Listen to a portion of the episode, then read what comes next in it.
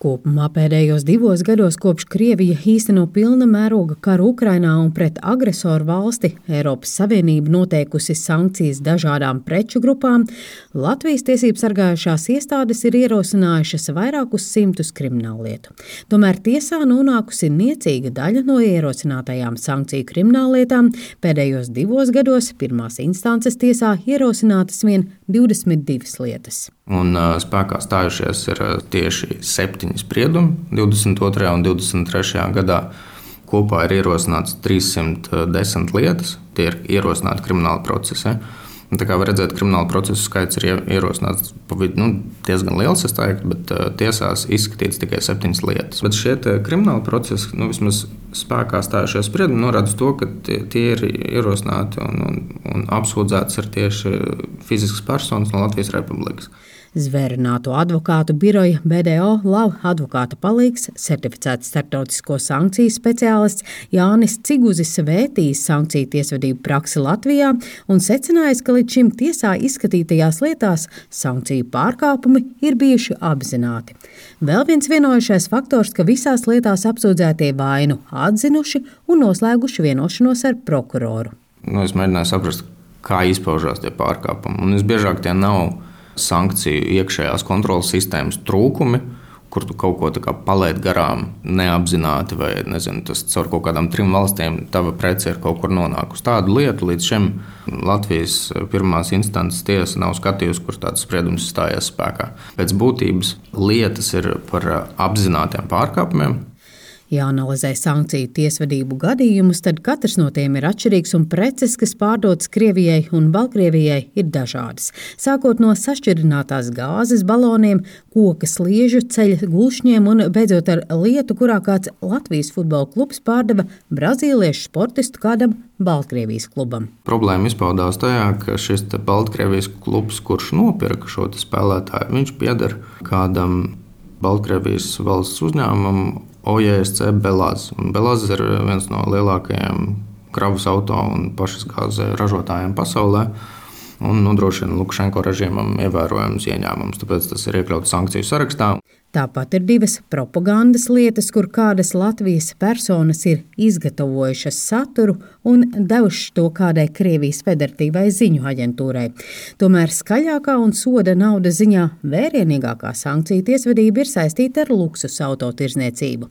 Publiski pieejamā informācija liecina, ka no Latvijas pārdota Bentley markas automašīna un pārdošanas reķinā kā saņēmējs norādīts kāds Kirgistānas pilsonis.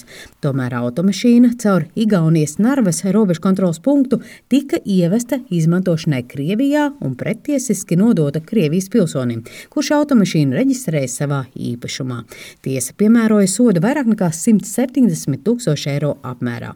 Jānis Ciguzis novērojis, ka līdz šim iztiesātajās lietās sodi pakāpeniski pieaug. Sodi paliek bargāki pēdējā laikā. Tas ir jūtams, nu, ja tajā futbolistu pārdošanas lietā ir desmit minimālās mēneša algas, tad pēdējā lietā ir 100. Nu, tā ir desmit reizes lielāks sots. Arī piespiedu ietekmēšanas līdzekļi, kas piemēroti, ir nu, bargāki.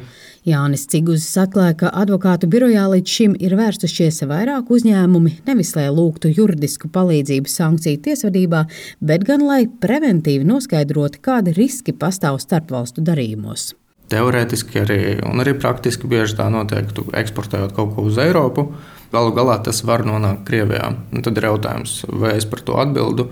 Kā es varu zināt, ka mans kaut kāds partneris tālāk piegādes ķēdē neveiks kādu pārkāpumu, vai man par to nebūs atbildība? Lai izvairītos no šādām situācijām, uzņēmumiem ir nepieciešams ieviest iekšējo sankciju kontrolas sistēmu un veikt klientu sadarbības partneru un piegāžu ķēžu izpēti. Tieši klientu vērtīšana ir aktuāla arī komercbankām, kas pēdējos divos gados pastiprināti uzrauga to klientu darījumus ar trešajām valstīm, caur kurām nereti eksportētāji, izmantojot dažādas schēmas, apiet sankcijas. Par sankciju apiešanas schēmām caur trešajām valstīm, kas turpina tirzniecību ar Krieviju, Latvijas radio jau vēstīja raidījums atvērtie faili. Latvijas Bankas naudas atmazgāšanas novēršanas pārvaldes vadītājs Kristaps Markovskis stāsta, ka pēc Komercbanku maksājuma analīzes var secināt, ka sākoties Krievijas pilna mēroga kara darbībai Ukrainā, ievērojami samazinājās maksājumi uz Krieviju. Vairākas bankas pieņēma lēmumu vispār neizpildīt nekādus maksājumus ar agresoru valsti. Tajā pašā laikā mēs redzējām, ka palielinājās maksājumi uz tām pašām valstīm, kur mēs redzējām arī eksporta un importa palielinājumu. Tāpat Kazahstāna, Azerbaidžāna, arī apvienotie Arābu Emirāti. Mēs redzam, ka palielinās transakciju plūsma.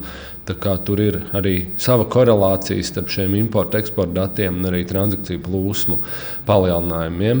Bet uzreiz jāsaka, ka tas palielinājums neaizstāja to samazinājumu, kas bija uz Krieviju. Tas ir daudz, daudz mazāk.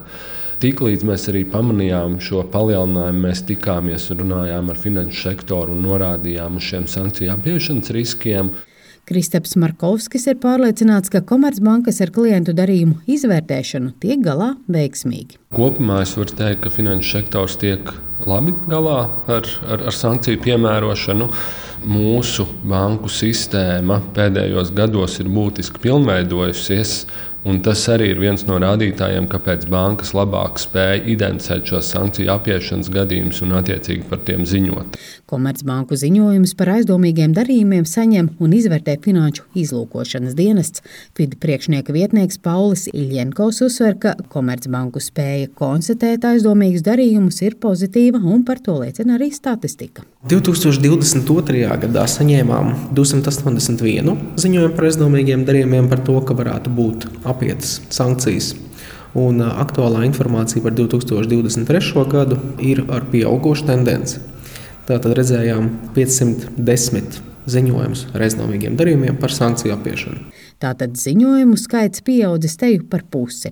Tiesa, ne katrs aizdomīgs darījums nozīmē, ka notikusi sankciju pārkāpšana, bet katru no šiem gadījumiem FID padziļināti vērtē.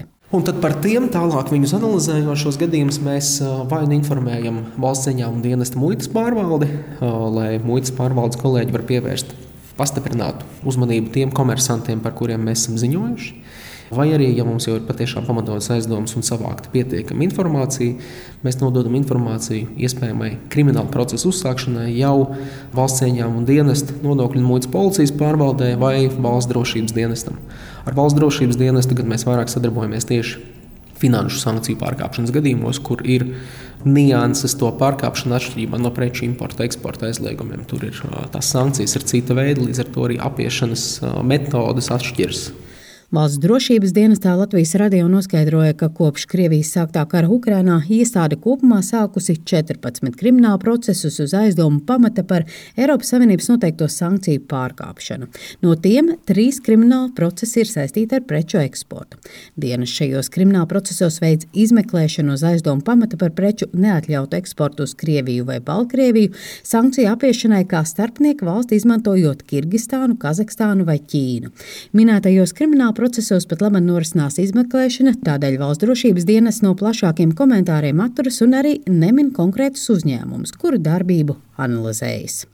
Bet kā eksporta pieaugumu uz trešajām valstīm un līdz ar to arī lielāku sankciju apiešanas risku vērtē ekonomikas ministrs Viktors Valēnis no Zaļo un Zemnieku savienības. Protams, mēs monitorējam, un pēc manām sarunām jau tālāk ar šiem dienestiem, kas to ikdienā dara, mēs saņemam pozitīvas atsauksmes no partneru valstu institūciju sadarbības, ka tur tiešām nav jūtami signāli, uh, viņi censtos kaut kādā veidā piemaskēt kaut ko vai noslēpt kaut ko. Viņi tiešām ir vērsti uz sadarbību. Un tas ir arī viņu interesēs veicināt savas valsts attīstību un savas valsts produktu nonākšanu Eiropas tirgū vai, vai tālāk, izmantojot mūsu infrastruktūru, nevis atbalstīt Krievijas ekonomiku, zinot, ka, ja tas tā notiksies, tad sadarbība ar mums viņam tajā brīdī kļūs ļoti apgrūtinoša un visticamāk beigsies, jo mm. nu, arī mums ir savas robežas. Latvijas radio gan ārlietu ministrijā, gan vīda nodokļu un muitas policijā noskaidroja, ka patiesi diplomātiskās sarunas ar trešo valstu amatpersonām nesušas augļus un